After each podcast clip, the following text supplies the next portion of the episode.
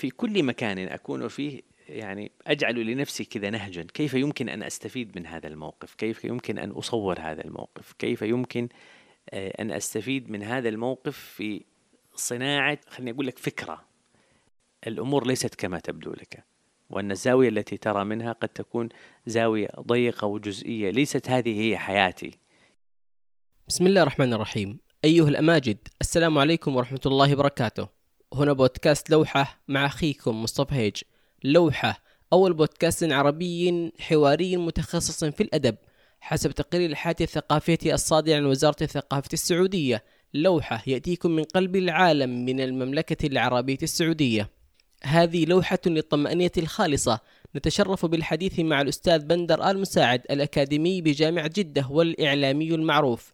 حدثنا عن فضيلة الإحسان إلى الناس ومنقبة الإنصاف وفضيلة تقبل النقد وفهمه لنفسه واستيعابه للحياة وما يسعى إليه ووصفته في التعامل مع الآخرين ومذهبه في إعادة الاعتبار للصداقات. هنا أشتات من البهاء والدفء والصدق. عمن اطمئنان عميق وأنا أنصت إلى نبرة ضيفنا ومنطقه العذب ورأيه المتزن. لا أقول هذا مادحا بل واصفا صادقا. وأثق بأنكم ستجدون ما وجدته حين الاستماع. سجلت هذه الحلقة بدارته العامرة بجدة قبل عام. إذا أعجبتكم الحلقة شاركوها مع صديق واحد فقط وأكرموا البودكاست بتقييمه حيث تستمعون إليه في منصتكم المفضلة. واكتبوا لنا في هاشتاج بودكاست لوحة في تويتر وإنستغرام. ويسعكم الاستماع إلى موجز الحلقة في تطبيق وجيز الذي يقدم خصم 30% للاشتراكات السنوية عند استخدام كود لوحة وانتظرونا الأربعاء القادم إن شاء الله. الأستاذ بندر المساعد الإعلامي المعروف أهلا وسهلا بك في هذا اللقاء في بودكاست لوحة. أهلا بك أستاذ مصطفى أنا سعيد جدا آه، في هذا البودكاست آه، وأسأل الله عز وجل أن أضيف إلى هذه اللوحة الجميلة لوحة بودكاست آه، شيئا ولو كان يسيرا لمن يستمع إلينا. بإذن الله تعالى إطلالتك وصوتك يعني إضافة كافية. من لطفك. تسلم. لو بدأت معك بهذا السؤال يعرفك الناس كإعلامي ظهرت في برامج عديدة منها حديث الدار ونفح الطيب وبرامج أخرى. كيف تحب أن تعرف بنفسك وأنت النجم المعروف؟ باختصار بندر المساعد آه، إنسان بسيط عفوي محب للعلم. آه، أعمل آه، في المجال التعليمي كعضو هيئة تدريس. وشغوف بالإعلام التحقت به وصنعت لنفسي شيئا جميلا في المساحة الإعلامية الواسعة. أسأل الله عز وجل أن تكون يعني إضافة لي وحجة لي لا علي يا رب. لو عدنا إلى البواكير إلى النشأة كيف كانت وأين كانت؟ نشأتي آه، حجازية. آه، ولدت في الحجاز تحديدا في مدينة جدة. آه، الوالد متعه الله بالصحة والعافية. قدم إلى الحجاز في الثمانينات الهجرية تقريبا. استقر هنا آه، حيث كان يعمل. وولدت آه، في الحجاز. ونشأت في الحجاز تحديدا في حي آه، في مدينة جدة اسمه حي الشرفية. درست المرحلة الابتدائية ومنها انتقلت إلى شمال جدة درست المتوسط والثانوية وأكملت دراستي الجامعية في جامعة الملك عبد العزيز. تقريبا يعني هذه النشأة وإن كانت مليئة بالذكريات إلا أنها آه، تبقى آه، ذكريات نستشرف فيها المستقبل. بإذن الله. من أبرز من أثر في بندر المساعد في البدايات خصوصا؟ والله يعني المؤثرون كثر. لا أستطيع أن آه، يعني أذكر واحدا دون آخر لكن إن استطعت أن كذا أن أجمل لك بشكل عام فعلى رأسهم آه، يعني الوالدة رحمها الله ورحمة الأبرار يعني يمكن هي أكبر مدرسة تعلمت منها واستفدت منها آه، وكانت تخصني كثيرا يعني بتوجيهات آه، قلما أجدها. مع مع تقدم عمري وتعليمي إلا أني أزداد كل يوم قناعة بتوجيهاتها التي أثرت وصنعت يمكن من شخصيتي جزءا كبيرا وتأثرت بها كثيرا. آه هذا في المجال الأسري بالإضافة إلى جميع إخواني أخواتي آه وعلى رأسهم السيد الوالد يعني لهم تأثير لكن الوالدة يمكن في في العمق الأسري. في في مجال التعليم في في المدارس آه أذكر آه مدرسا درسني في وأنا في المرحلة المتوسطة قدم إلينا من القصيم وتحديدا من الرس. درسني في حلقة التحفيظ. آه، حبب إلي الخير بطريقة عجيبة جدا وزرع فيني حب القرآن وحب أهل القرآن. آه، يعني إلى الآن أنا متعجب من ذلك السر الذي قذفه الله عز وجل في قلب ذلك الرجل. وانقطعت بنا الدنيا وحاولت أني أنا آه، ألتقيه ف قدر الله عز وجل قبل يعني فترة قصيرة التقيته بعد انقطاع يمكن دام ثلاثون سنة أو ثلاثون عاما. فوجدته على العهد يعني كما هو برحابة صدره وحسن سمته وأدبه وتأثيره فأثر في مرة كثير يعني. وصنع لي لأني كنت في مرحلة المتوسطة هي مرحلة التقلبات حتى في الأنظمة التعليمية في العالم. كله يقولون المرحلة الحرجة في التعليم هي مرحلة المتوسطة لأن هي مرحلة المراهقة والتقلبات. فأكرمني الله عز وجل في هذا المدرس أنه احتوانا في تلك المرحلة واستطاع أن يوجهنا توجيها صحيحا. كان اسمه الأستاذ عبد الرحمن بن عبد الله الخميس متعه الله بالصحة والعافية. آه، كان له تأثير كبير جدا علي. والمرحلة الثانوية آه، يمكن يعني أنا تخصصي وميولي آه، العلمية آه، قد لا تتناسب مع التعليم والسلك التعليمي. لكن الغريب إني أنا لما التحقت في الجامعة وتخرجت من الجامعة رجعت لمجال التعليم. وكان السبب شخصيتين درسوني في المرحلة الثانوية أحدهم درسني جيولوجيا وواحد درسني تربية إسلامية. يعني في الحصة فقط. كنت أرى منهم سمتا وتاثيرا. يعني كنت أحضر الحصة وأجد ذلك التأثير الكبير. يعني مدرس الجيولوجيا كان جل حديثه في في في في الحصة آه، في المادة التعليمية وربطها بعظمة الله عز وجل. فكان يحلق بنا عاليا. وزرع في حب العلم والتعليم والتأثير في الناس.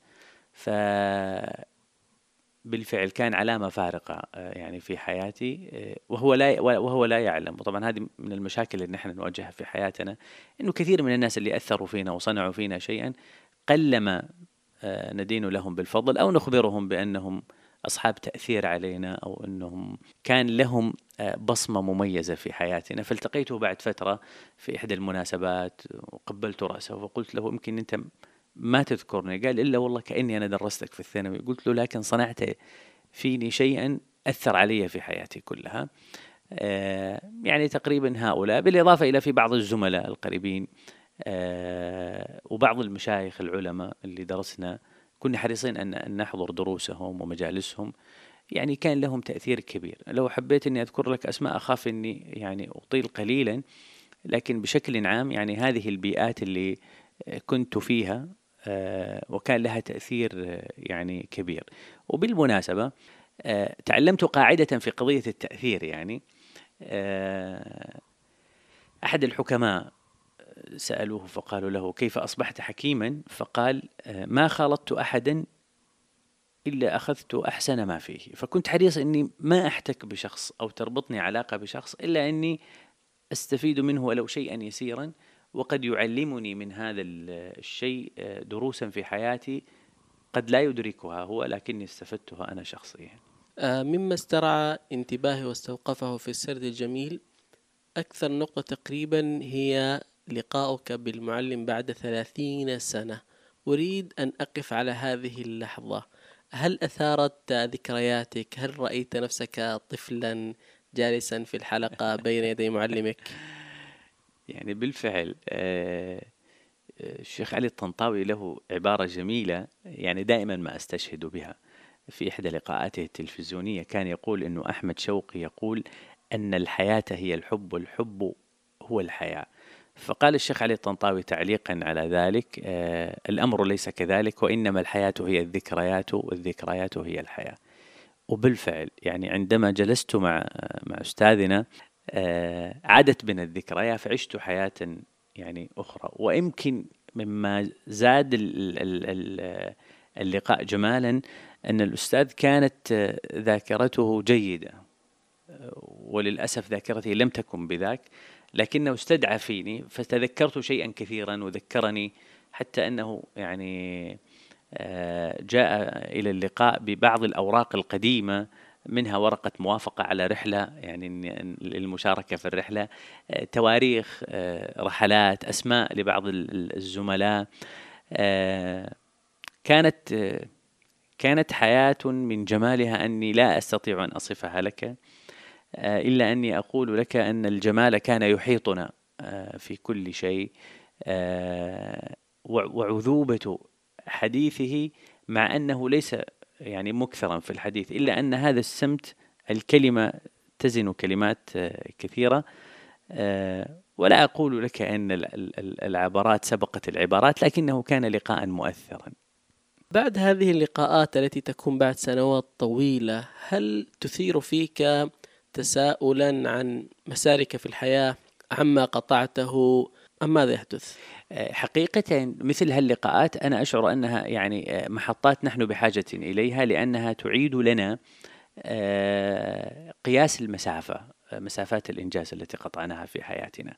فعلى سبيل المثال يعني ذكرت له بعد أن افترقنا آه، أين وصلت؟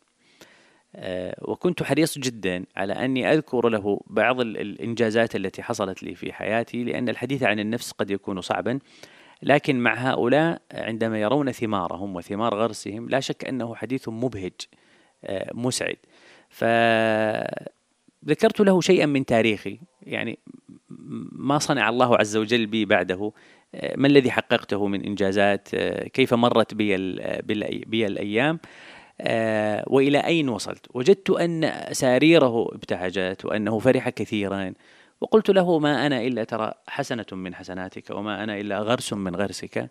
فهذه ثمرة هذا الغرس في هذه الحياة وأسأل الله عز وجل أن يكون ما عند الله عز وجل خير لك وأعظم وأكبر. هل تحدث لك مثل هذه المواقف يأتي مثلا طلابك في الجامعة مثلا؟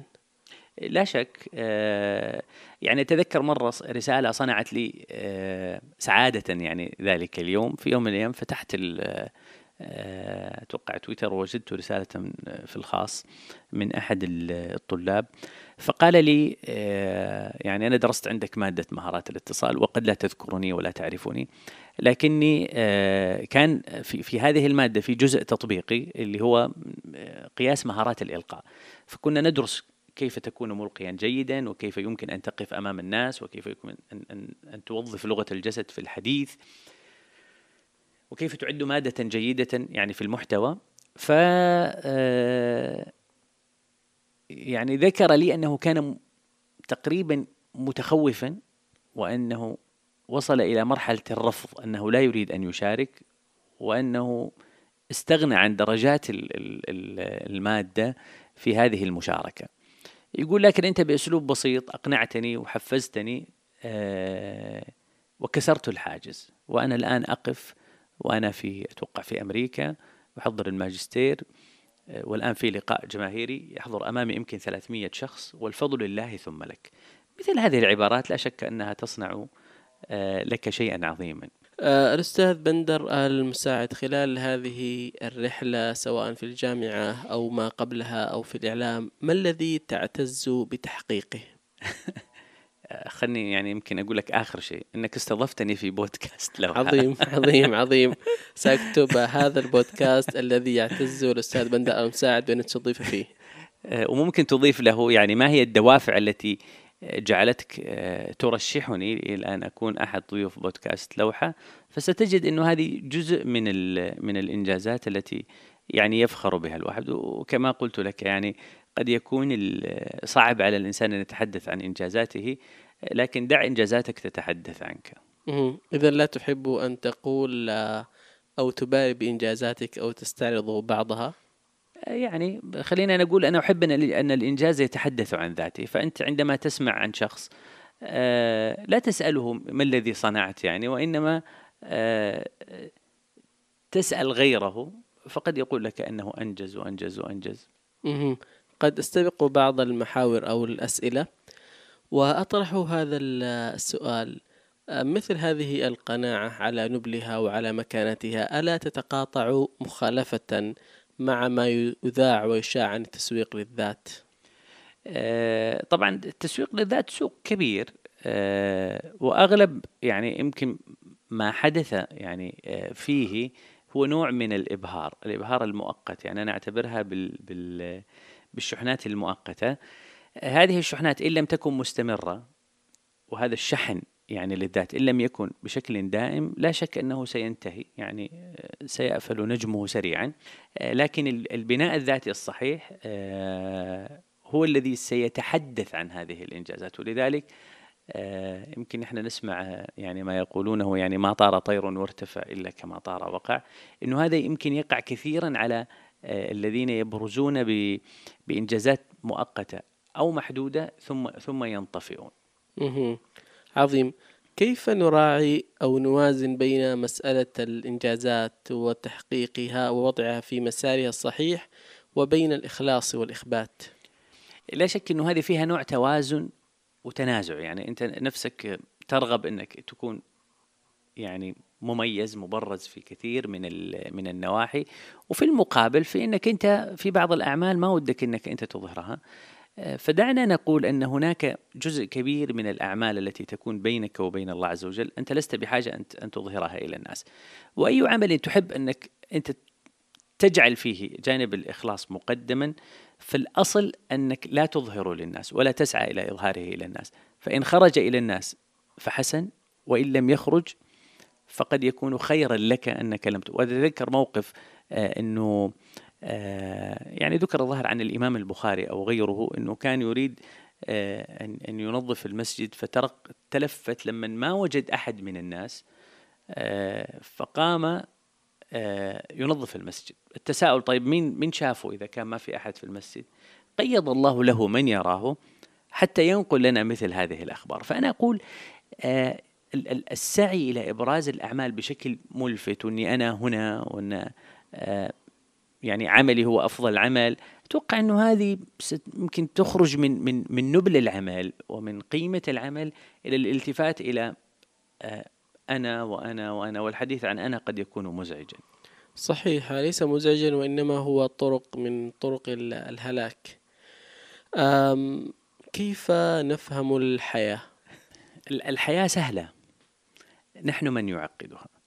آه، وكما يقولون يعني آه، أيها الشاكي وما بك داء كن جميلا ترى الوجود جميلا. الحياة جميلة لمن يفهمها لمن يحسن أن يتعامل معها آه، لمن يستطيع أن يصنع من كل عثرة فيها نجاحا أتوقع أنها ستكون حياة ممتعة.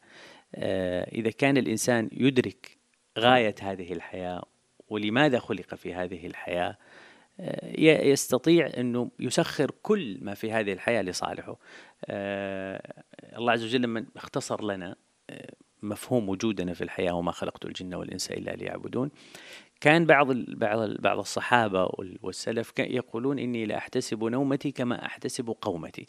فتسخير كل شيء في الحياة لصالحك يشعرك بأن هذه الحياة ممتعة. لكن النظر إلى الجزء الفارغ وإلى مصائب الحياة أن هذه الحياة طبعت على كدر صحيح هي طبعت على كدر لكن هذا الكدر أستطيع أن أصنع منه شيئا. طبيعي إني أنا أمر في مرحلة الكدر وليس ولا يمكن إني أتجاوز مرحلة الكدر وأتقبل مرحلة الكدر. لكن عندما أعلم أن طبيعة هذا الطريق سيكون فيه كدرا فستتقبله بل أتأكد من صحة طريقي.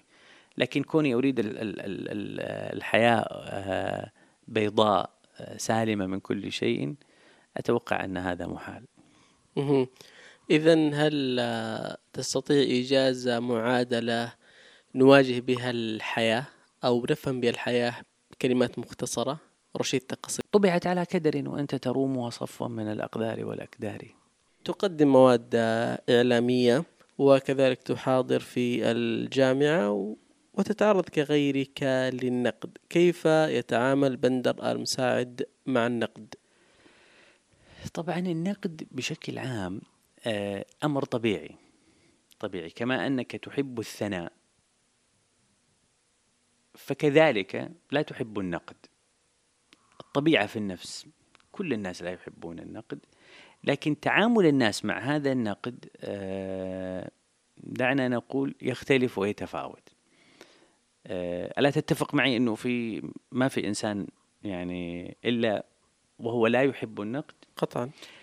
لذلك السؤال اللي أنا دائما أوجهه إلى نفسي كيف تكون ردة فعلي على النقد؟ هذا رقم واحد. رقم اثنين آه، كيف كيف يمكن أن أقلل من هذه من ردة الفعل؟ في إني أقنع نفسي ومقنع من نفسي كذلك اني لست ملكا. فأنا عندي جزء كبير آه، من من طبيعة بشريتي معرض للخطأ آه، وأني أقع في الزلل وأني لا أستطيع أن أقدم العمل كاملا ايا كان هذا العمل في أي مهمة أنا أقوم فيها فطبيعي أني أنا أتقبل هذا هذا النقد في هذا الجزء. آه، هذا رقم واحد وهي قضية جدا مهمة إني أنا أوطن نفسي على أنني أتقبل النقد وأنني لابد أني أستمع آه، إلى النقد. بل كما ذكرت لك في نمط الحياة عندما نستفيد من هذه المكدرات على أنها ان تكون فرص بالنسبة لنا. فأنا أعتبر النقد حقيقة آه، هو فرصة للتعلم. شيء كنت أجهله فرزقك الله عز وجل بشخص يرى من زاوية مختلفة تماما أنت لا ترى آه، منها. فأحاول أحاول مع إنها لا تكون ليست سهلة يعني أحاول أني أعتبر هذا النقد هو مجرد ملاحظة واقتراح وليس آه، نقدا لاذعا يعني قد يكون مقصوده هو الإساءة آه، إليه. فالتعامل بهذه من هذه الزاوية على أن هذه ال ال آه، الأمور النقدية التي تأتينا هي عبارة عن مجرد مقترحات فأتوقع أن النفس لا تتحسس من هذه المقترحات. كما أني لو اقترحت عليك الآن في بودكاست قلت لك ما رأيك أن تفعل وأن تفعل ف تتقبلها وقد لا تتقبل. يعني ممكن أن تعمل بها ويمكن لكنها لن تثير في نفسك شيئا.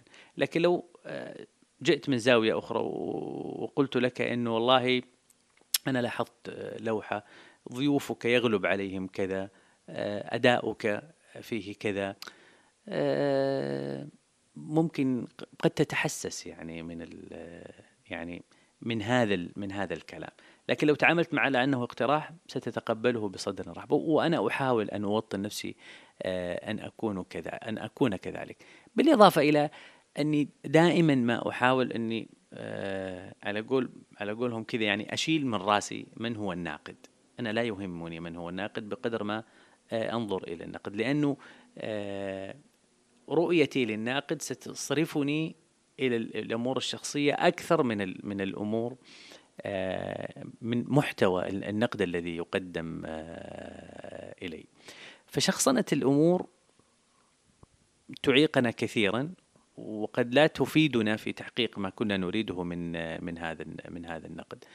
آه، من من ومن الأشياء الجميلة في تعاملي مع النقد هي فكرة الهدوء. يعني أنا أحمد الله عز وجل أنه أشعر أني إنسان هادئ يعني لست منفعلا آه، وقليل الانفعال. فأي نقد يأتيني لا يمكن أني أرد عليه فورا ولا أتعامل معه فورا بل ممكن يسبب لي صدمة في البداية بسيطة فأحاول أني أتجاهلها إلى وقت آخر حتى أكون أكثر إنصافا للرؤية في في فيما يقال آه، في العمل الذي أقدمه وحتى في شخصيتي.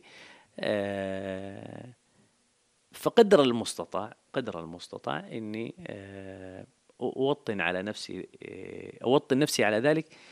ومن الأشياء الجميلة التي قرأتها في تقبل النقد أنك عندما آه، تسمع أو تقرأ آه، أو تواجه بنقد فابتسم لأن الابتسامة تساعدك على الاسترخاء. والاسترخاء هذا في الغالب لا يكون معه انفعال آه، حاد يخرجك من من طور ردة الفعل الطبيعية أو المناسبة مع هذا النقد. آه، وأتذكر مرة قدمت دورة بعد ما انتهيت من الدورة طلب مني منسق الدورة أنه نحن نحتاج عندنا نموذج يقدم فيه المشاركين آه، تقييمهم على ملقي الدورة وعلى المادة المقدمة وكذا. فقلت له على الرحب والسعة. وقلت له بصراحة يعني آه، أنا أكثر ما يهمني ال- الملاحظات. لأنها هي التي ستثري ال- المادة التي أقدمها وكذلك تثريني أنا شخصيا. وإن كان بعض الناس قد لا يحب ال ال كلنا نحب الثناء. أنا أؤكد يعني حتى لا يفهم من كلامي مثالية كلنا نحب الثناء وكلنا يطرب إلى سماع الثناء. لكن أن يكون سماع الثناء هو الغاية والهدف هنا تحدث ال- المشكلة. الشاهد بعد ما انتهينا من من الدورة وطلبت منه ذلك آه، تذكر جاتني كذا خاطرة عن أن بعض الناس يتأذى آه، من من من النقد وقد يكون ما تقدمه تخيل مثلا أنت تقدم دورة تدريبية يحضرها 100 شخص 99 شخص استفادوا استفادة عظيمة. شخص واحد لم يستفد أرسل إليك رسالة فقال والله أنا ما استفدت من دورتك وكلامك كله كلام فاضي. ما هو الشعور الذي يعني سيأتي. شعور سيء والله؟ جدا. مع أنه 99% تحقق الهدف الذي تريده. لذلك أنا أقول هل 1% كيف يمكن أن يتعامل معنا؟ فجاتني خاطرة كذا سجلتها في سناب والحمد لله لاقت قبولا وانتشرت. آه، اعتزل ما يؤذيك. فكنت أتكلم على هذه ال- ال- ال- العبارة الجميلة التي رويت عن عمر بن الخطاب. فبعض الأحيان في بعض الكلمات تؤذيك تجاوزها دعها. اعتزلها. آه، كما كما كان يعبر عنها عمر بن عبد العزيز إذا ك- سمعت الكلمة تؤذيك فطأطئ لها رأسك حتى تتخطاك. لا تفكر فيها لا تشيل همها لأنه الهم هذا الذي ألقاها بلا مبالاة وبدون أي حسبان آه، هو خرجت من صدره وارتاح. لكن لا تجعل لها مقاما في صدرك حتى ترتاح. أنت فاعتزلها طيب من يقول إساءة الظن من الفطن؟ والله ليست من الفطنة وإنما هي بعض الأحيان قد تكون على آه، يعني دوافعها غير محمودة. آه، في الأثر استعينوا على إنجاح حوائجكم بالكتمان فإن كل ذي نعمة محسود. موقف بسيط يعني. آه، تعرف في خدمة الخرائط في في جوجل في تقييمات يعني. مثلا أنت تروح مطعم معين فتكتب تعليق ما الذي يعني جاز لك في هذا المطعم وما الذي لم يجوز لك وتكتب تعليق وبناء عليه يكون في التقييم النهائي اللي نحن نسميه بالنجمات يعني كم التقييم من خمسة يعني. فزرت محل من المحلات آه عملوا تسحب المايك شوي. آه، آه، زرت آه، محل من المحلات كان الرجل فيه لطيفا أسرني بأخلاقه. وما يقدمه ذا جودة عالية. فقلت يعني خليني كذا أدخل في جوجل أشوف إيش التقييم. وجدت ثناء عاطرا إلا من شخصين. شخصين فقط. أحدهما منافسا له في الصنعة. كلام الأقران يطوى ولا يروى. ما التفت إليه تماما. فقلت سبحان الله ما الذي دفعه إلى ذلك؟ يعني غالبا إساءة الظن لا أقول أنها آه، يعني دافعها آه، غير محمود. ولذلك نحن نعبر عنها بالدهاء والذكاء وهي يعني غير ذلك. عمر بن الخطاب كان يقول لست بالخب ولا الخب يخدعني. فال آه، أنا أرجو سلا- السلامة. فل- فلا يمكن أني أرجو السلامة لي ولك وأنا أسيء الظن بك. يعني في حديث النبي صلى الله عليه وسلم لا يؤمن أحدكم حتى يحب لأخيه ما يحب لنفسه. أنت في تعاملك هل تت... هل تتمنى أن الناس يعاملوك بساءة الظن حتى تثبت لهم عكس ذلك؟ هذا صعب جدا يعني صعب جدا ولا أدري كيف تكون الحياة بهذه الطريقة. صحيح. عودا إلى سؤال آه، النقد. ألخص كلامك في أمرين. الأمر الأول آه، يجب عليك أن تحسن الظن بالناس. ثانيا يجب عليك أن توطن نفسك على أن الأصل في عملك ناقصا. وأزيد الثالث أن تفصل بين الذات وبين العمل. أحسنت. النقد لل- للعمل وليس للذات.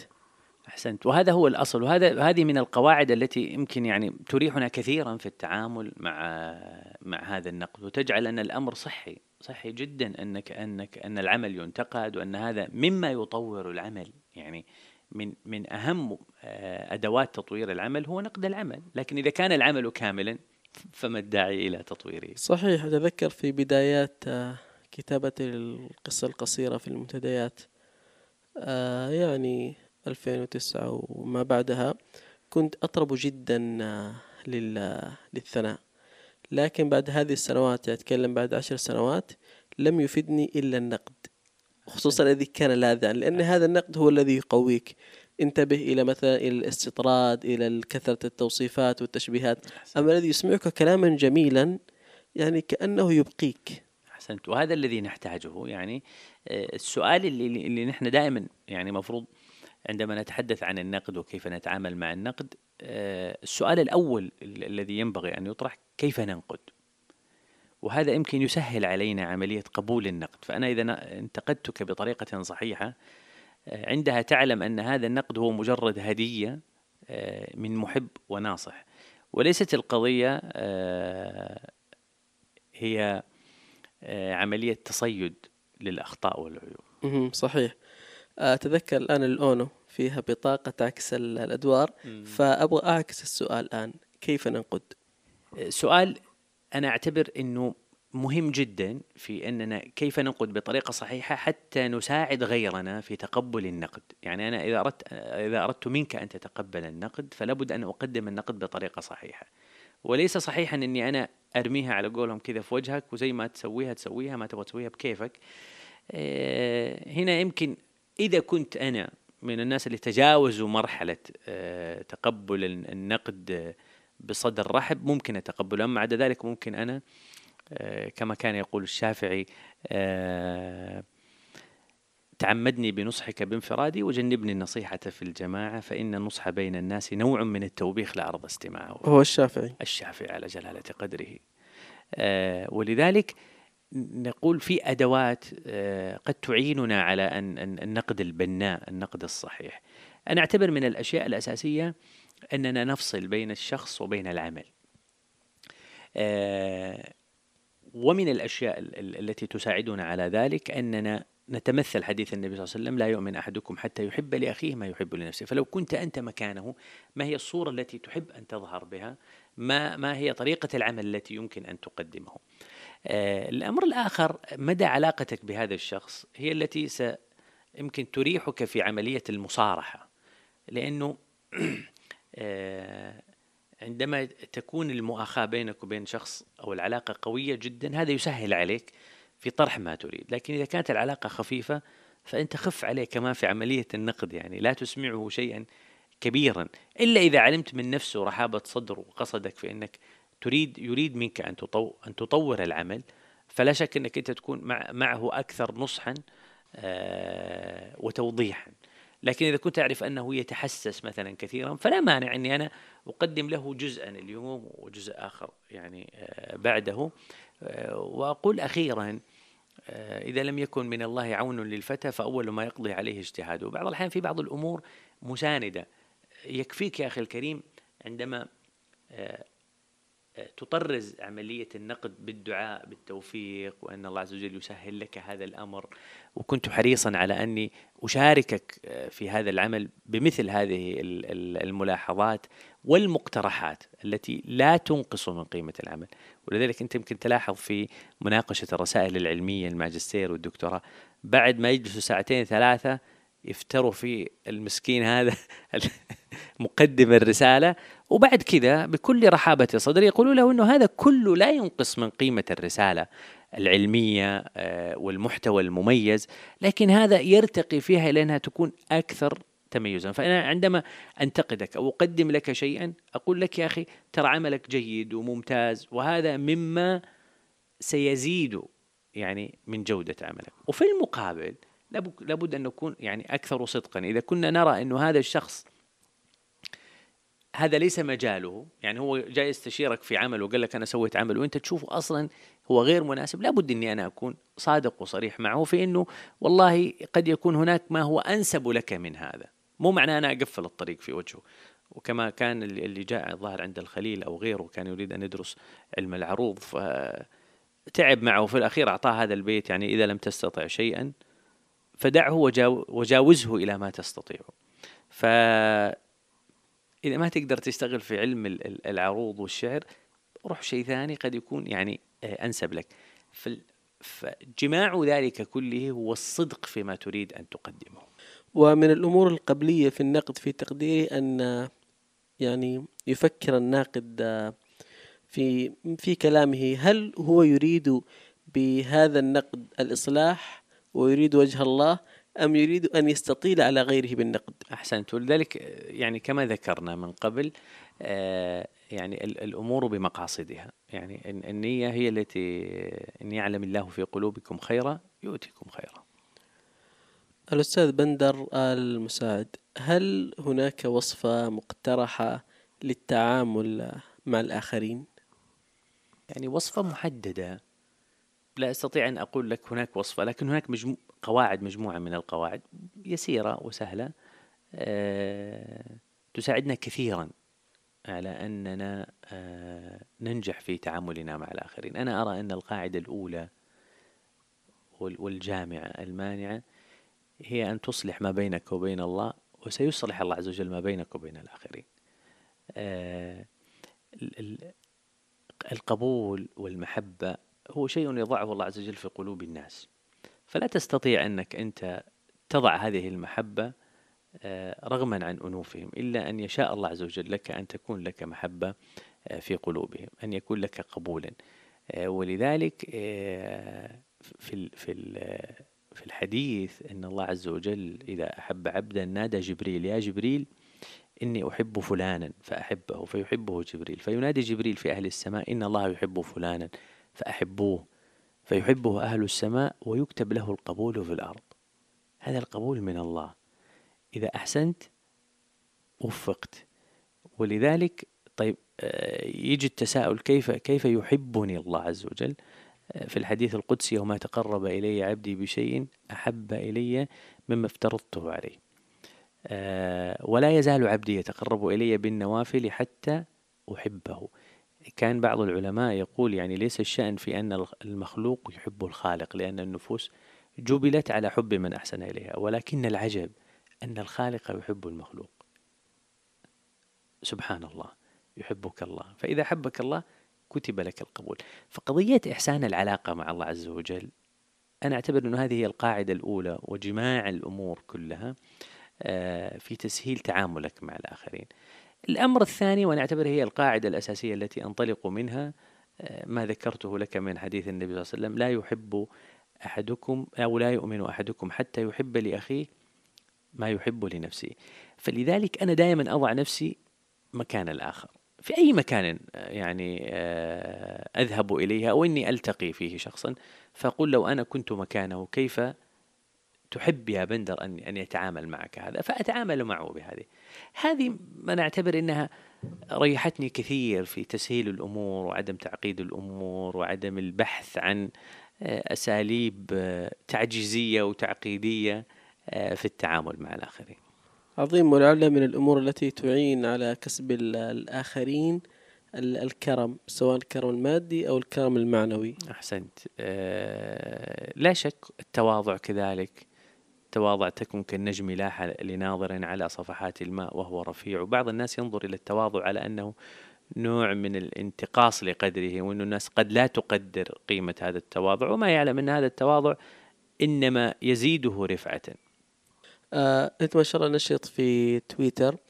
آه، في بين الفين الأخرى سواء في تويتر أو في سناب نقرأ عبارات من قبيل آه نفسك آه لن يسمع إليك أحد أو شيء من هذا. كيف نستطيع أن نتجاوز مثل هذه العبارات وأن نعيد لصداقة اعتبارها؟ طبعا من الأشياء التي آه، يمكن كلنا يجمع عليها أن هذه الوسائل التواصل الاجتماعي التي سميت وسائل التواصل الاجتماعي سرقت جزءا كبيرا من من تواصلنا الاجتماعي آه، على أرض الواقع. حتى أنك طبيعي جدا أنك تجد في المجلس الواحد لحظة سكون تعم المجلس قد تطول هذه اللحظة لانشغال كل واحد منا آه، بالجهاز الذي في يديه. آه، ولذلك آه، قد يكون قد يكون هذا الالتهاء بمثل هذه العالم أنا لا أقول أنه عالم وهمي في قضية الصداقة أنك أنت تشبع صداقاتك من خلال متابعاتك وتستغني بها عن آه، الصداقات الحقيقية. يعني آه، الميل هذا هو للعجز آه، وعدم وجود الصديق المناسب. لكن الأصدقاء موجودين والناس فيهم خير والصداقة أنا أعتبرها هي جزء من الحياة التي يعني نسعد بها ونقضي بها حياتنا. حتى أنه كان بعض بعض الصحابة إن لم تخن الذاكرة يقول يعني لم يبقى لنا من يعني من ملذات هذه الدنيا آه، مثل مجالسة الإخوة الصادقين. صحيح أظن أحد التابعين الظرفاء ويزيد والوقيعة في في الثقلاء.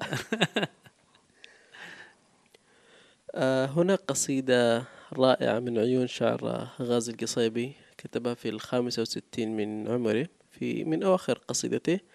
وعنون بهذه القصيدة مجموعة شعرية عنوانها حديقة الغروب. يقول أما مللت من الأسفار ما هدأت إلا وقلتك في وعثاء أسفاري. أما تعبت من الأعداء ما برحوا يحاورونك بالكبريت والنار. آه من هذين البيتين أستخلص سؤالين. الأول كم يقضي بندر المساعد من ساعات يومه أو أسبوعه مسافرا في السماء؟ شوف هذه من الصور غير الحقيقية التي تظهر لا تظهرها لنا وسائل التواصل الاجتماعي. يعني أنا مثلا في سناب على سبيل المثال لست مكثرا آه، في حياتي اليومية لكن عندما أسافر أصور. فيظن الناس أن بندر مسفار. هو هو هذا الذي لا لا يضع العصا عن عاتقه كما كانوا يقولون قديما. أني آه، كثير السفر كثير الانتقال. آه، وهذا ليس بصحيح. يمكن فترة من الفترات ظروف عملي كانت تلزمني أني أذهب إلى الرياض كل آه، في الأسبوع كل أسبوع مرة أو كل أسبوعين مرة. فتعرف لما تروح تصور وتجي يقول لك يا أخي هذا ما شاء الله تبارك الله على طول مسافر على طول مسافر. فأنا شخص آه، سفري للعمل فقط. قليل جدا جدا جدا جدا في سفرياتي. لكن هذا الجانب الذي تظهره لعل هذا درسا يعني عمليا نحن نأخذه يعني لأنفسنا أنه آه الأمور ليست كما تبدو لك وأن الزاوية التي ترى منها قد تكون زاوية ضيقة وجزئية ليست هذه هي حياتي. كما إني إذا غردت مثلا عن السعادة فلا يعني إني آه طول حياتي سعيد. يعتريني ما يعتري غيري آه من فترات ضعف وفتور تواجهني مصاعب وعقبات في هذه الحياة فأنا لست مسفارا. على سيرة أن الحياة تصور آه، ما لا يبدو هناك عبارة تكتب على اللي هو مراية السيارة الجانبية. فهذه من أصدق ما, ما في صدقت. صدقت. آه ما الذي تفكر فيه عندما تقلع الطائرة؟ طبعا هذه برضو من الأشياء اللي أنا حريص عليها جدا آه إني في كل مكان أكون فيه يعني أجعل لنفسي كذا نهجا. كيف يمكن أن أستفيد من هذا الموقف؟ كيف يمكن أن أصور هذا الموقف؟ كيف يمكن آه أن أستفيد من هذا الموقف في آه صناعة خليني أقول لك فكرة.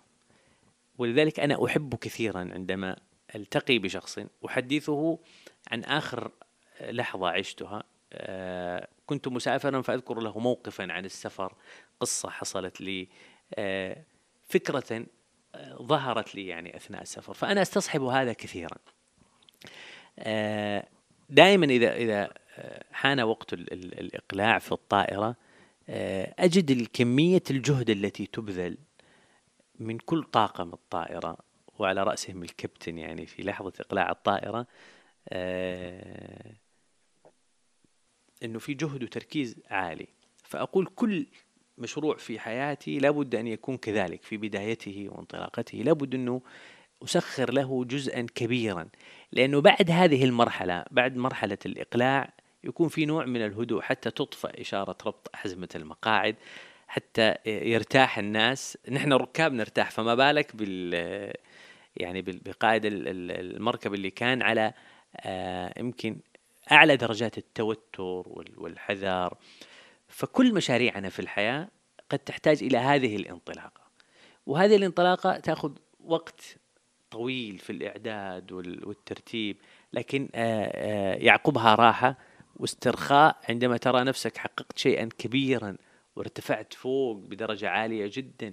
وتشوف حتى ال- الواقع اللي أنت كنت تعيشه كان واقعا صغيرا يعني الأشياء اللي كنت تشوفها كبيرة أصبحت صغيرة لأنك تجاوزتها. وهذه فكرتنا في في مشاريعنا لابد أن تكون كذلك. ولا بد أن يعرف كذلك في ماذا بعد هذا هذا الإنجاز أنه في مرحلة من الهبوط لانتهاء هذا المشروع إذا كان هذا المشروع من المشاريع التي لها وقت آه، نهاية. آه، ثم بعد ذلك استعداد للرحلة آه، التي تليها. هذه المعاني تأتيني كثيرا يعني في في كل رحلة سفر آه، قد تصاحب الأحيان مشروعا. أصلا أنا مسافر من أجله رحلة عمل فيها مجموعة من المهام يعني هي كذلك. إذا هذا الذي تفكر فيه عندما تكون في طريقك آه، أو عندما تكون آه، في السماء. السؤال ال- الثاني عودا إلى أبيات غازي قصيبي كيف يتعامل بندر آل مساعد مع العداوات مع الكارهين أو كما يقول غازي قصيبي مع الكبريت والنار والله أنا قلت لك من قبل أنا آه، شخص مسالم. لا أحب المواجهة والمصادمة. آه، وإن حصلت مواجهة أو مصادمة أحاول أني أكون أكثر مرونة وأنا أتجاوز هذه المرحلة لأني أرى أني لم أخلق لمثل هذه الصراعات. ولا أريد أن آه، أن أنخفض باهتماماتي إلى أن أكون في هذه البيئة التي تأخذ جزءا كبيرا من آه، من تفكيري آه، ومن راحة بالي بل قد تمنعني وتحرمني من السعادة ومن النوم فأعيش حياة أرق وحياة قلق وحياة كما ذكرنا سابقا في إساءة الظن تفسير كل ما يحدث من حولي على أنه قرائن تريد أن تؤكد لي. ومؤامرات فأنا أحاول أن أتجاوز هذه المرحلة آه، وكل يعني من من يحاول أن يسيء إلي. فأنا آه، كما قال الأول يعني يزيد سفاهة وأزيد حلما كزود كعود زاده الإحراق طيبا. أحاول قدر المستطاع أني أتجاوز هذه المرحلة وأن أحسن إليه قدر استطاعتي وأن أفصل يعني بين شخصه وحاجته وبين أسلوبه. يعني يمكن بعضهم قد يكون مبتلى مبتلى بتصيد أخطاء الناس وعيوب الناس. هذا أقل ما يمكن أن تقدمه له تقول الله يعافيك مما ابتلاك به. الحمد لله الذي عافاني مما ابتلى به كثيرا من خلقه. هذا هذا الإحسان إلى من أساء هل تتذكر أنه يعني استجلب صداقة كانت آه، مخفية بعداوة؟ آه، يعني ربما بعضهم قد يكون جريئا يعني ويحدثك بذلك وبعضهم قد آه، يكون لكن ما يظهر لك مدى ما كان يحمله في صدره أنا أتذكر مرة أحد والله ما أذكر هو التقى بي أو أرسل لي رسالة. يعني قال لي أنا صراحة كنت أشوفك متكبر جدا. جدا يعني وأقول هذا شايف نفسه على إيش وهذا. آه، مع أني أنا ما أتذكر يعني ما أدري حتى فين قابلته يعني. لكن يقول لما خالطتك وعرفتك يعني والله إني ندمت وإني قلت له والله إني أنا اللي أعتذر إليك إن كان في تصرف من تصرفاتي أوحى إليك هذا المعنى. مع أني والله حريص كل الحرص لكن لن تسلم. هو هو لا أخفيك يعني هو ما شاء الله أنت رجل أنيق صبوح. فبالتالي يعني الناس عندهم يعني حساسية أنه الشخص إذا كان أنيقا جميلا صبوحا فهذا أدى إلى أن يكون متكبرا. طيب تريدني أن أكون عكس ذلك حتى؟ لا أبدا. آه، لذلك أنا أقول لك يعني نحن ننظر لها من زاويتين. يعني أنا من زاويتي وكذلك لابد أن يفكر الناس كيف تفكر. آه، وفي المقابل آه، لابد أن نوطن أنفسنا على إحسان الظن وأن ال- الأصل في المسلم إحسان الظن. صحيح ولكن الذي يعني يكذب صورة أن بندر شخص متكبر هو الابتسامة اللطيفة التي تنثرها بين الناس. هذا من لطفك. تسلم. سعدك الله. الأستاذ بندر آل مساعد درست في البكالوريوس الحاسب الآلي كتخصص ثم انتقلت إلى الإدارة والتخطيط التربوي في الماجستير أليس كذلك؟ بلى. ما الذي حملك على الانتقال؟ ترجعت بي إلى الذكريات آه، لكن آه، الإنسان ابن بيئته. يتأثر بما تتأثر به آه، هذه البيئة. وقد تكون البيئة هي جزء كبير من إن صح التعبير يعني موجهاتنا في مراحلنا العمرية. يعني هي تلعب دور البوصلة في توجيه اهتماماتنا استحسان بعض بعض الأمور. عندما تخرجت من المرحلة الثانوية يعني أشار لي كل من حولي تقريبا وبالذات من كنت أثق في رأيهم أن الآن المجال هو مجال الحاسب الآلي الكمبيوتر العالم آه، بدأ آه، يهتم به كثيرا. فما رأيك أن تتخصص في هذا التخصص آه، فرصه الوظيفية جدا كثيرة المستقبل له. هذا 1420 21 لا قبيلة يعني تقريبا في 1415 16 تقريبا. طبعا أنا كان آه، لي حلم آخر وهذه برضو من من الموجهات التي يعني قد لا تكون مباشرة. كان أحد أبناء العمومة آه، مضرب المثل في في العائلة يعني لأنه كان مكافحا وأصبح طيارا عسكريا. فكنت أتمنى إني أنا أكون طيار عسكري. وبالفعل قدمت على الكلية العسكرية إذا ما خاب ظني كانت كلية الملك فيصل آه، اللي هي تهيئ آه، الدارسين فيها آه، إلى أن يكون طيار عسكري. لكن العائلة رفضت بصعوبة انتقالي لمدينة الرياض والدراسة هناك وخاصة إحنا مستقرين في جدة. بعدين حولت على فكرة إني أنا ألتحق بالطيران المدني فقدمت على الخطوط السعودية وكان في موعد للمقابلة. نفس الفكرة يعني عائلتي كانت يعني والدتي وأخواتي كانوا يستبعدون هذا لأنه يعني هم يفكرون في المستقبل. يعني قالوا استقرارك الأسري سيكون صعبا إذا كنت يعني في مهنة الطيران متنقل و ف كان الخيار الأقرب أني ألتحق في الحاسب الآلي لأنه هو الفرصة الوظيفية فقدمت مباشرة قبلت ودرست. لكن حدث ما لم يكن بالحسبان. يعني أثناء دراستي لم أشعر يوما من الأيام أني شغوفا بهذه الدراسة. لكن كان معدلي جيد ومستواي جيد آه، لكن ما أعرف يعني ما هو السر في عدم الانسجام الكبير بيني وبين التخصص إلا أني في مرحلة من المراحل كان معدلي عالي وكان يسمح لي بالانتقال إلى كلية الهندسة وأشار لي بعض الأصدقاء أنه ممكن ننتقل لكلية الهندسة. يعني هي فكرة كذا الصداقات يعني إيش رأيك نروح نروح نجي نجي. ما ما وجدت لي نفسي إقبال كبير مع إنه كان المعدل يسمح بس ما ما انتقلت. قلت خلاص ابن الحلال خلني أنا أكمل الحين وربي إن شاء الله ييسر. آه، في هالمرحلة كنت آه، أمارس نوع من الشغف. في حلقات تحفيظ القرآن الكريم كمعلم حلقة تحفيظ القرآن الكريم.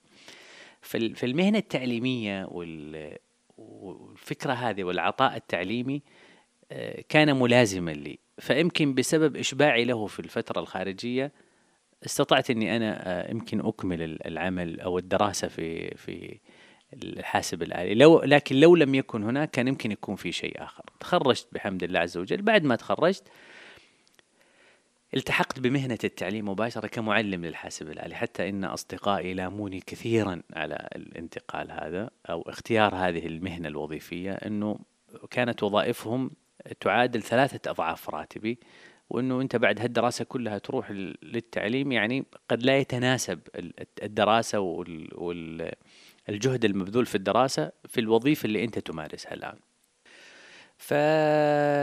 فما التفت إلى ذلك وما كانت الحوافز المالية تلعب دور كبير مع الشغف، يعني كانت دون الشغف بكثير، فالحمد لله التحقت بالتعليم آه وبعدها حضرت في دورة هي يمكن من الدورات اللي سوت كذا نقطة تحول شوية. دورة مفصلية آه، يعني يمكن كانت دورة تدريبية تتكلم عن الاستراتيجية رسم الاستراتيجية الشخصية إنه نحن نعرف الخطط الاستراتيجية للمؤسسات لكن للأفراد كانت شيء جديد علينا.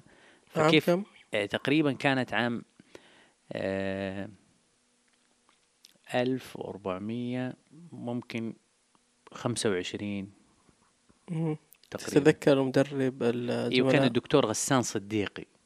الأستاذ السابق يونس عبد العزيز. آه، نعم كان في كلية الهندسة. آه، وكان يتكلم على الاستراتيجية كيف إنك أنت كشخص آه، تصنع لك استراتيجية.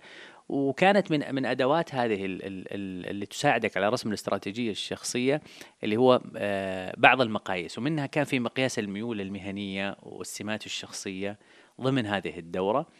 وبالفعل يعني وجدت إني أنا دراستي كانت بعيدة عن ميولي المهنية. آه، يعني شخص تميل للجوانب ال- ال- الاجتماعية ونمط آه، يمكن آه، يعني ميولك المهني مختلف عما تمارسه يعني يمارسه هذا التخصص بمعنى آه، أدق. فحاولت إني أنا أغير لل عفوا إلى تخصص تخصص ال- التربوي وكنت أميل صراحة في في في جزء كبير من من العملية هذا في الاتصال التربوي. لكن ما كان عندنا شيء موجود في الموضوع هذا. آه، درست في ال- الإدارة التربوية دخلت دبلوم تربوي عشان ألتحق يسم يسمح لي بالالتحاق في برامج الماجستير في الإدارة التربوية والتخطيط. وكانت رسالة الماجستير يعني متعلقة بال بالاتصال آه، واثره على الدافعية. يعني كلما زادت مهاراتك في الاتصال كلما كان هناك دافعية لمن يتعامل معك. وسويتها على مقياس كان يتكلم على الاتصال عند المدراء والدافعية عند المعلمين كنموذج يعني فكل ما اتصل زادت قوة الاتصال عند مهارات الاتصال عند المدير كلما كانت الدافعية عند المعلمين آه، أعلى. مهم. هذا انتقال بعد كم من التخرج؟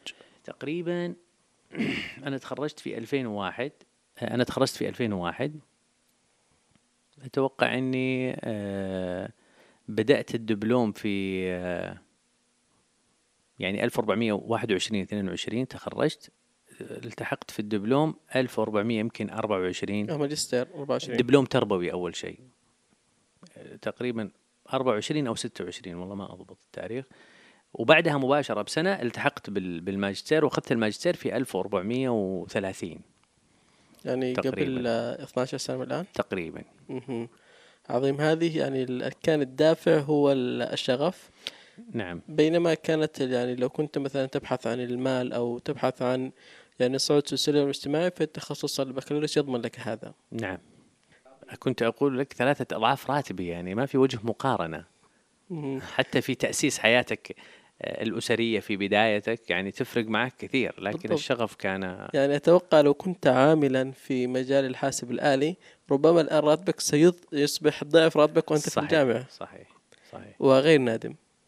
قطعا بالعكس إني سعيد جدا يعني سعيد جدا وكلما تذكرت يعني قلت الحمد لله الحمد لله إني استطعت إني أستدرك الحمد يعني لله الذي. انتشل من الحاسب كيف التحقت بالجامعة كأكاديمي؟ تقريبا في مرحلة الماجستير ودراسة الماجستير وقت إعداد الرسالة كانت رسالتي بشكل كبير جدا تركز على مهارات الاتصال أحد الزملاء كان معي في الماجستير بلغني إنه الجامعة بحاجة إلى آه، متعاونين لتدريس مادة مهارات الاتصال التي كانت من المواد آه، مواد السنة التحضيرية وكانت الشعب كبيرة وكان الظاهر ال- القطاع ال- الموكل إليه هذه تدريس هذه المادة لا يغطي كل الطلاب. فكانوا يستعينون بمعلمين متعاونين فعرض علي صديقي فرحت كثيرا وتواصلت معهم وأرسلت لهم أنا أتذكر حتى يعني ما يثبت إني أنا أدرس ماجستير وإني أنا عندي رغبة إني أنا أدرس معاكم في مهارات الاتصال. فدرست في الفصل الأول آه، وفصل ثاني. بعدها القسم كان هو وحدة آه، فتحول إلى قسم وحدة الاتصال تحول إلى قسم مهارات الاتصال. وأعلنوا عن وظائف كانت خمسة وظائف أتذكرها. آه، تقدم فيها مجموعة كبيرة. آه، يعني بحمد الله كنت أحد الخمسة الذين التحقوا بهذا ال- القسم بعد الحصول على شهادة الماجستير وتعينت محاضرا في جامعة الملك عبد العزيز وانتقلت بعدها إلى جامعة جدة. الحمد لله. سبحان الله يعني كان في تيسير إلهي بين ال- الماجستير عفوا الدبلوم ثم الماجستير ثم الانتقال إلى الجامعة. فالحمد لله على. ألطافه. في الجامعة تمر بك الكثير من الذكريات خصوصا وأنت كنت تدرس مادة مهارة الاتصال للسنة التحضيرية هل يحضرك بعض هذه المواقف؟ يعني المواقف كثيرة طبعا في في مواقف محفزة في مواقف يعني قد تكون يعني تعطيك نوع من ال... الإحباط يعني لكن آه، أنت تتقبلها لأنها آه، من الطلاب والطالب يبقى طالبا يعني آه، حتى وإن كبر يعني إذا هذا ينسحب على على طالب الماجستير والدكتور أيضا؟ كذلك كذلك. يعني جزء كبير منهم يعني سمات الطالب هي سمات الطالب. إذا جلس على مقاعد الدراسة يبقى هو طالب. يعني مثلا إن رأيته متأخرا فيذكر لك مبررات يعني تقول قد لا تصدر مثلا من شخص بهذه المكانة يعني. حتى وإن كان طالب دكتوراه تجده ممكن يكون مسؤول مثلا في قطاع من القطاعات التعليمية مثلا أو التربوية فيتأخر فممكن يذكر لك سببا. فتقول لو كنت أنت مكانه تقول يعني هو يعني لو لا يمكن. لو كان هذا السبب يعني سمعه من طالبه مثلا إذا كان معلما؟ لما تقبله. لكن هي هكذا هي هكذا الحياة هكذا. أه حتى تذكر مرة في برنامج من البرامج التدريبية طرحت على المعلمين هذا السؤال. لو الطالب تأخر كيف تتعامل معه؟ فذكروا لي يمكن عشرات الأساليب. فقلت لهم خلونا نعكس السؤال. أنت الآن في الدورة إيش موقفك؟ قالوا لي طالب. قلت طيب لو دخلت أنت متأخرا. الأساليب العشرة اللي أنت ذكرتها هل تتناسب معك؟ كلهم يمكن شبه إجماع ولا أسلوب يتناسب معي. طيب كيف تريد أن تتعامل مع هذا الطالب الذي ترتقي به إلى أن يكون طالبا مميزا وأنت في نفس المربع هذا؟ ما زلت تنظر له على أنه شيء آخر. فالمثالية بعض الأحيان تجعلنا نصطدم. أنا كنت حريصا أن أكون عفويا مع الطلاب في في حتى في الأنظمة التي أضعها داخل القاعة الدراسية. لذلك كنت أواجه ببعض المواقف المفاجئة بعض المواقف المحفزة. يعني أتذكر موقف والله أثر فيني كثيرا وهذا يمكن ما دائما يحفزني للحضور إلى المحاضرة بكل شغف. جاني مرة واحد من الطلاب بعد المحاضرة آه، فقال لي تصدق يا سيد بندر أنا أجي من الطائف آه، كل يوم يعني أروح وأرجع. عندي محاضرة قبل هذه رياضيات والله ماني حريص عليها. أنت محاضرتك ما أقدر أغيب عنها لأني أحبها وأحس أني أنا أستفيد منها. مثل هذا الشعور أنه هو يعني مهتم بمادتك. طبعا هو خطأ أنه يفرط في المواد الأخرى لكنه مهتم بها لأنك أنت تقدم شيئا. فهذا يلزمك أنك أنت في المحاضرة تحضر وتحترم هذا الشخص اللي على قولهم ضرب أكباد الإبل حتى يحضر ويحرص على على على محاضرتك. في المقابل تجد إنسان أصلا محاضرتك هذه ما هو معطيها أي نوع من الاهتمام. يعني أذكر مرة واحد دخل علي والله أنا أجزم جزما أنه خرج من فراش نومه إلى القاعة. يعني حتى شكل اللي لابسه بيجامة يعني يمكن ما هو ما هو لباس يليق بال بالتعليم ومجالس العلم. وجاءني أنا أنا عندي قاعدة في ال في ال أو في نظام توقيت المحاضرة. المحاضرة تبدأ عندي الساعة 8 الصباح. فأسمح للطالب أن يتأخر. ما شاء أن يتأخر. شريطة أن آه، أن لا يزعجني أثناء الدخول. وأنا كنت وقتها أدرس في في في عسفان جامعة جدة. آه، في طريق سريع. يعني وكل يمكن فصل أو فصلين دراسية تسمع حوادث. فأقول أرجوك لا تسرع في الخط. الهوينة. امشي على هونك. ووقت ما توصل أنا راح أحضرك يعني. بس أهم شيء لا تسرع. فتلاقيه هو عشان خمسة دقائق يلحق المحاضرة وإن الدكتور حضر ما حضر فيروح يتهور. فأقول له رجاء لا تسرع. أنا راح لو جيت على آخر دقيقة أنا راح أحضرك. فهذا كله مراعاة للطالب لكن قد تجد شخص أصلا ما يرعي اهتماما. فهذا الطالب جاءني يمكن تقريبا بدون مبالغة ثمانية وثمانية وأربعين دقيقة باقي على انتهاء المحاضرة دقيقتين فقط.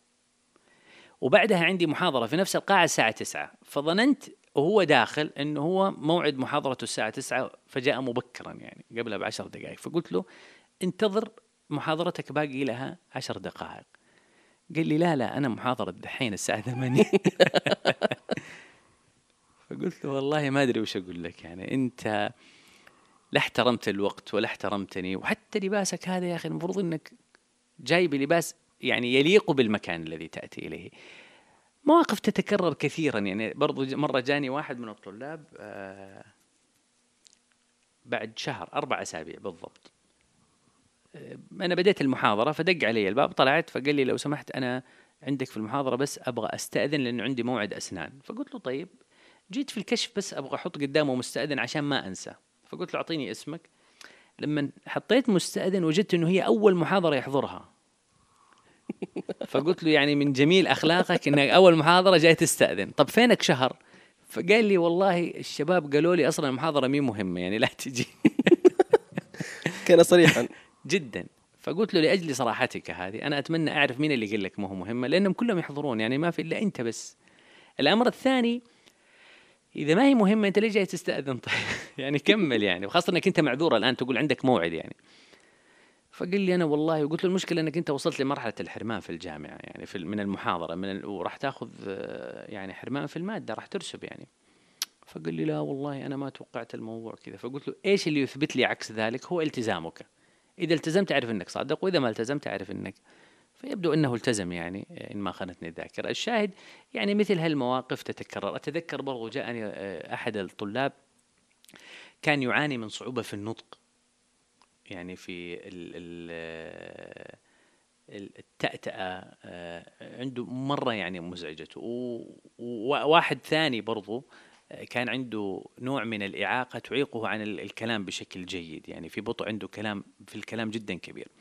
فذكرت له قلت له أنا عندنا تطبيق فكرته كذا وكذا. إذا حبيت يعني أحول لك إياه إلى تطبيق آخر أو آه، تكليف آخر أو أنك أنت تطبقه. فقال لي يعني أنا صعب. قلت له طيب أنا راح أساعدك.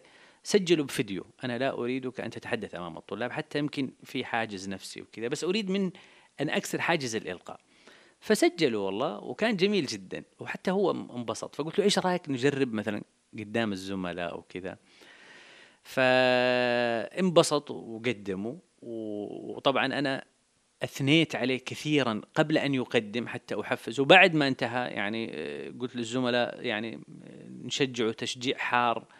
فأنا كنت أرى الابتسامة على وجهه تكفيني يعني أنه هو كسر هذا الحاجز الكبير الذي كان يعاني منه طيلة سنوات أنه يقف أمام زملائه وأن يتحدث وأن وأن يعبر مثل هذه المواقف التي تكون مصحوبة بالمشاعر.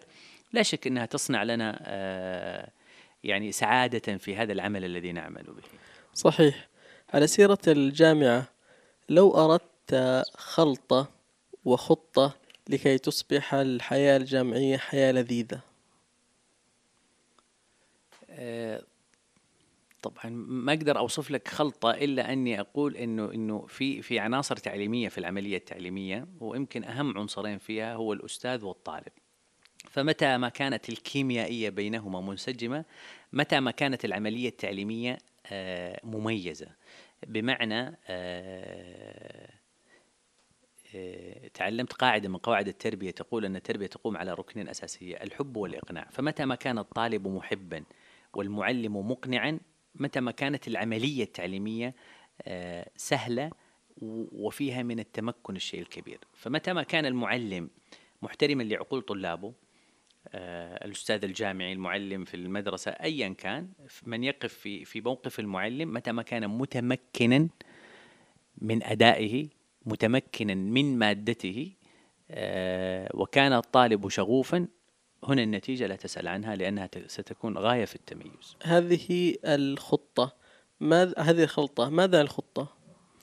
آه، طبعا الخطة نحن محكومين آه، بخطط تعليمية ومنهجية. أنا أتوقع أن فيها خير كبير. فيها خير كبير والموجود فيه خير كبير لكن كيف يمكن أن يفعل؟ وأنت تعلم أن الماء الراكد يأسا. يعني وجود التعليم آه، بعض الأحيان بطريقة تقليدية يختلف تماما عن عن وجود التعليم بطريقة آه، إبداعية فيها نوع من آه، من التحريك. التحريك حتى المنهجية في في التعامل مثلا مع مع المسائل العلمية مع المعلومة مع الحصول على المعلومة مع التمكن من المعرفة. ولذلك الرؤية رؤية 2030 آه، الواعدة آه، عندنا في المملكة العربية السعودية وتحديدا في قطاع التعليم آه، تركز على أن يكون الطالب هو محور العملية التعليمية والحصول على العمل والحصول على المعلومة تكون من خلال الطالب وليست من خلال المعلم، ان المعلم يكون بمثابة الموجه للطالب في الحصول على المعلومة، لأن الآن المعلومة أصبحت سهلة، يعني أنت أي معلومة ممكن تجيبها بأطراف أناملك. ضغطتين تجيك المعلومة. لكن تمكنك من المعلومة آه، مدى آه، معرفتك بصحة هذه المعلومة بمصدر آه، هذه المعلومة في إمكانية هذه المعلومة من تحقيق أو غيرها. هنا ترجع لدور الموجه اللي, اللي نحن نقول انه يلعب دور كبير في البوصلة التي يعطيها للطالب. لو أمامك الآن طالب جامعي في السنة التحضيرية واستنصحك ماذا تقول له كي يشق مسارا جامعيا مضيئا؟ أنت آه، يمكن ذكرتني آه، بطلب طلبه مرة الزملاء من عمادة آه، في عمادة شؤون الطلاب فقالوا خمسة أشياء تمنيت أنك أنت تعرفها وأنت طالب في المرحلة الجامعية. نعم السؤال. فكيف يمكن أن تقدمها للطلاب؟ وقدمتها في أمسية تدريبية للطلاب السنة التحضيرية. يمكن كان من من أهم هذه القواعد التي يعني حرصت أو الأشياء اللي كنت أتمنى أني أنا أعرفها هي آه، اختيار التخصص المناسب. يا سلام. وهذا ما وقعت به آه، والسعيد من اتعظ بغيره فقلت كونوا سعداء بأن ترون شخص أمامكم مر بتجربة معينة وأحب أن ينقلها إليكم. وقد كان لي في آه، واليوم عرفت البيت؟ الأمر الثاني أن النجاح عملية تراكمية وليست معدلا فصليا. فمثلا أنت اليوم معدلك قد يكون منخفض لأسباب معينة وظروف معينة فلا تظن أن حياتك توقفت على هذا المعدل. لأن النماذج الحية أمامنا والنجاحات التي نراها أمام أعيننا لم تكن يوما مرتبطة بالمعدل الدراسي. بمعنى أنك لو انخفضت في المعدل الدراسي قليلا فهذا لا يعني أنك فشلت لكن فرص النجاح أمامك أكبر فلا بد أنك تشد حيلك أكثر. هذا هو المؤشر الذي تأخذه من المعدل فقط ولا تستسلم لهذا آه، المعدل. الأمر الآخر وكنت حريص جدا عليه إنه المرحلة الجامعية آه، أنا أقولها لكل طالب في المرحلة الجامعية آه، أن المرحلة هذه هي مرحلة البناء العلمي والمعرفي. آه، وكما كان يقول عمر بن الخطاب تفقهوا قبل أن تسودوا أو تسودوا. إذا انتقلت من المرحلة هذه الجامعية فإن تحصيلك العلمي سينخفض لأي سبب كان لأي سبب لن يكون بهذا المستوى. فما لم تكن متمكنا من تخصصك في هذه المرحلة فثق تماما أن المرحلة القادمة ستكون أصعب في التحصيل في هذا التخصص. آه، لذلك احرص على أنك أنت تمتلك يعني ال ال أدوات التمكن في في تخصصك بقدر المستطاع.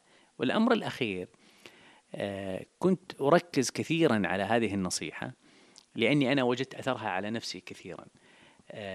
تعلم مهارات الحياة في المرحلة الجامعية. أنت قد تدرس تخصصا دقيقا لكنك لن تدرس مهارات إدارة الوقت آه، ولن تدرس إدارة حل المشكلات ولا ولا ولن تستطيع أن تدرس كيف يمكن أن تصنع قراراتك ولا يمكن أن تدرس آه، كيف تتعامل مع ضغوط العمل آه، ولا يمكن أن تدرس كيف تبدع في المذاكرة أو كيف تقرأ أو هذه المهارات آه، أتوقع إنه جزء كبير منها أنت مسؤول عنه.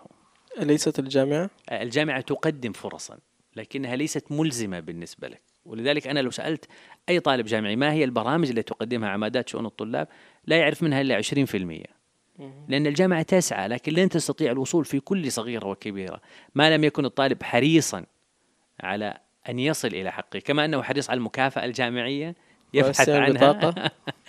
فهو حريص أيضا آه، فلا بد أن يكون حريصا على هذه البرامج. فأنا أجزم لك جزما كل عمادات شؤون الطلاب في كل الجامعات تقدم عشرات من البرامج التدريبية لتمكن الطالب من المهارات. لكن للأسف في عزوف عن من الطلاب بحجة الانشغال بالمادة بال... وهذه المهارات إذا ما نميتها في هذه المرحلة فالحياه ستعلمك إياها لكن ستأخذ الدرس آه، يعني قيمته قد تكون شوية مرتفعة. نعم سوف تجلدك الحياة ما هي المهارات التي على الطالب الجامعي أن يتصف بها؟ آه، شوف لما نتكلم عن المهارات أنا أتوقع من أهم المهارات التي لابد أن يتعلمها آه، هي مهارة الاتصال. عندما نتحدث عن مهارة الاتصال نقصد مهارة الاتصال بعموميته، يعني علاقتك مع مع زملائك، علاقتك مع أساتذتك ستؤثر وينعكس أثرها عليك آه، في تحصيلك العلمي. لذلك شوف الطالب الذي يتميز بعلاقة جيدة مع مع زملائه آه، ومع أساتذته. ستجد أن الفرص أمامه أكثر من الشخص اللي يكون منعزل حتى وإن كان مميزا في دراسه التميز في الدراسة لا يشكل إلا جزء من من خلينا ان صح التعبير عجلة النجاح. لأنه عجلة النجاح لها مكونات آه، يعني متعددة. المعدل الدراسي جزء منها وليس كل. وقد تفشل عندما تتعامل مع أن النجاح في حياتك مرتبط بالمعدل الدراسي. لما تتخرج بمعدل عالي آه، فرصك الوظيفية. في أول مقابلة شخصية ستجد أنك لن توفق. ممكن سيرتك تكون عامرة لكن في أول مقابلة شخصية يجدون أول مقياس يقيسونه في المقابلات الشخصية هو قدرتك على الاتصال. واطلعت على دراسة تتحدث عن أبرز عشرة مهارات آه، تحرص عليها الشركات في الشرق الأوسط آه، كانت المهارات الاتصال هي المهارة رقم واحد. فمهارة الاتصال جدا مهمة آه، في إنه يتملكها الطالب. بالإضافة إلى مهارة إدارة ضغوط الحياة.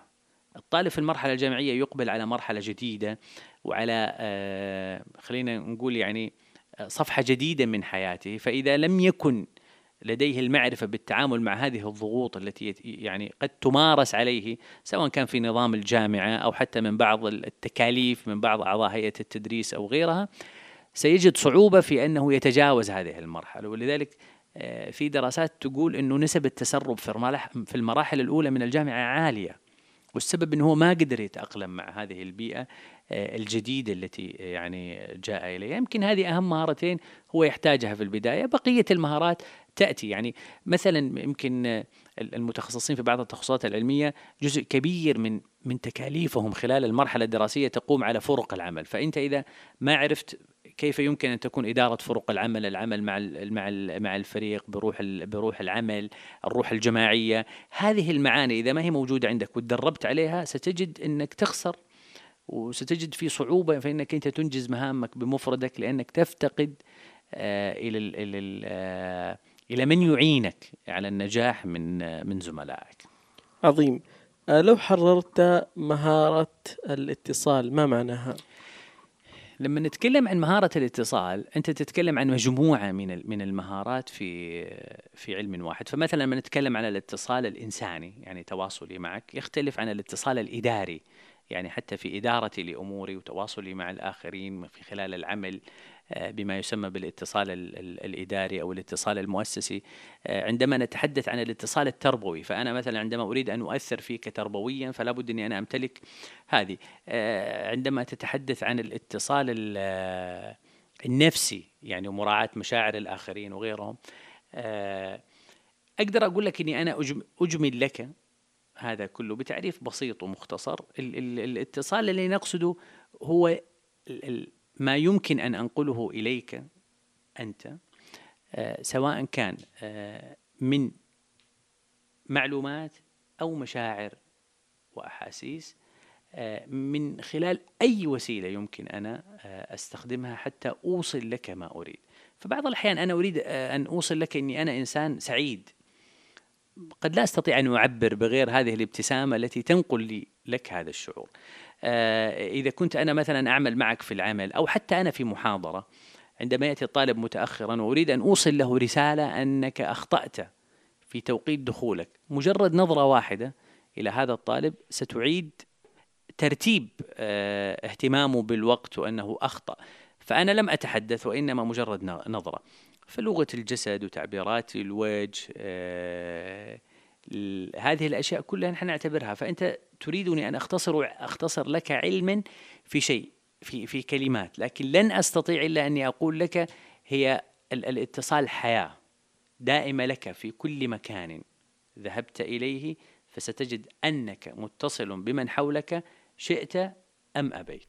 الأستاذ بندر آل مساعد لا تزال لدي الكثير من الأسئلة والانصات إليك أحبه ولكن وقت الحلقة انتهى. سعدت بك جدا جدا في هذا اللقاء في بودكاست لوحة. أنا بك أسعد أشكرك على هذه الاستضافة الجميلة وأنا أعتذر يعني عن يمكن الاستطراد في بعض ال ال الإجابات لكن كما قلت لك أنا أحببت أن يكون الحديث من عفو الخاطر لم أقرأ الأسئلة بشكل كامل حبيت أنه يكون الحديث عفوي وحديث الروح للأرواح يسري. فأعتذر كذلك يمكن بعض الرسائل وصلتني عن طريق وسائل التواصل الاجتماعي عندما علموا بهذا اللقاء ما تمكنا من عرضها. آه، وأنا أتوقع أنه الذي حذف أكثر من ثلاثة أو قد يصل إلى عشرة أسئلة لكن آه، أتوقع جمال الحديث كان من جمال مقدمه. فشكرا لك آه، على هذه اللوحة الجميلة التي جعلتني أشارككم رسمها. في هذا البودكاست الجميل. أيها المستمعون الكرام أشكركم على إنصاتكم وإذا أعجبتكم الحلقة أهدوها لأصدقائكم ولا تنسوا تقييم البودكاست في منصتكم الفضلى وشاركونا في هاشتاج بودكاست لوحة في تويتر وإنستغرام. شكرا لكم أيها الأماجد. هذا أنا مصطفى هيج أستودعكم الله.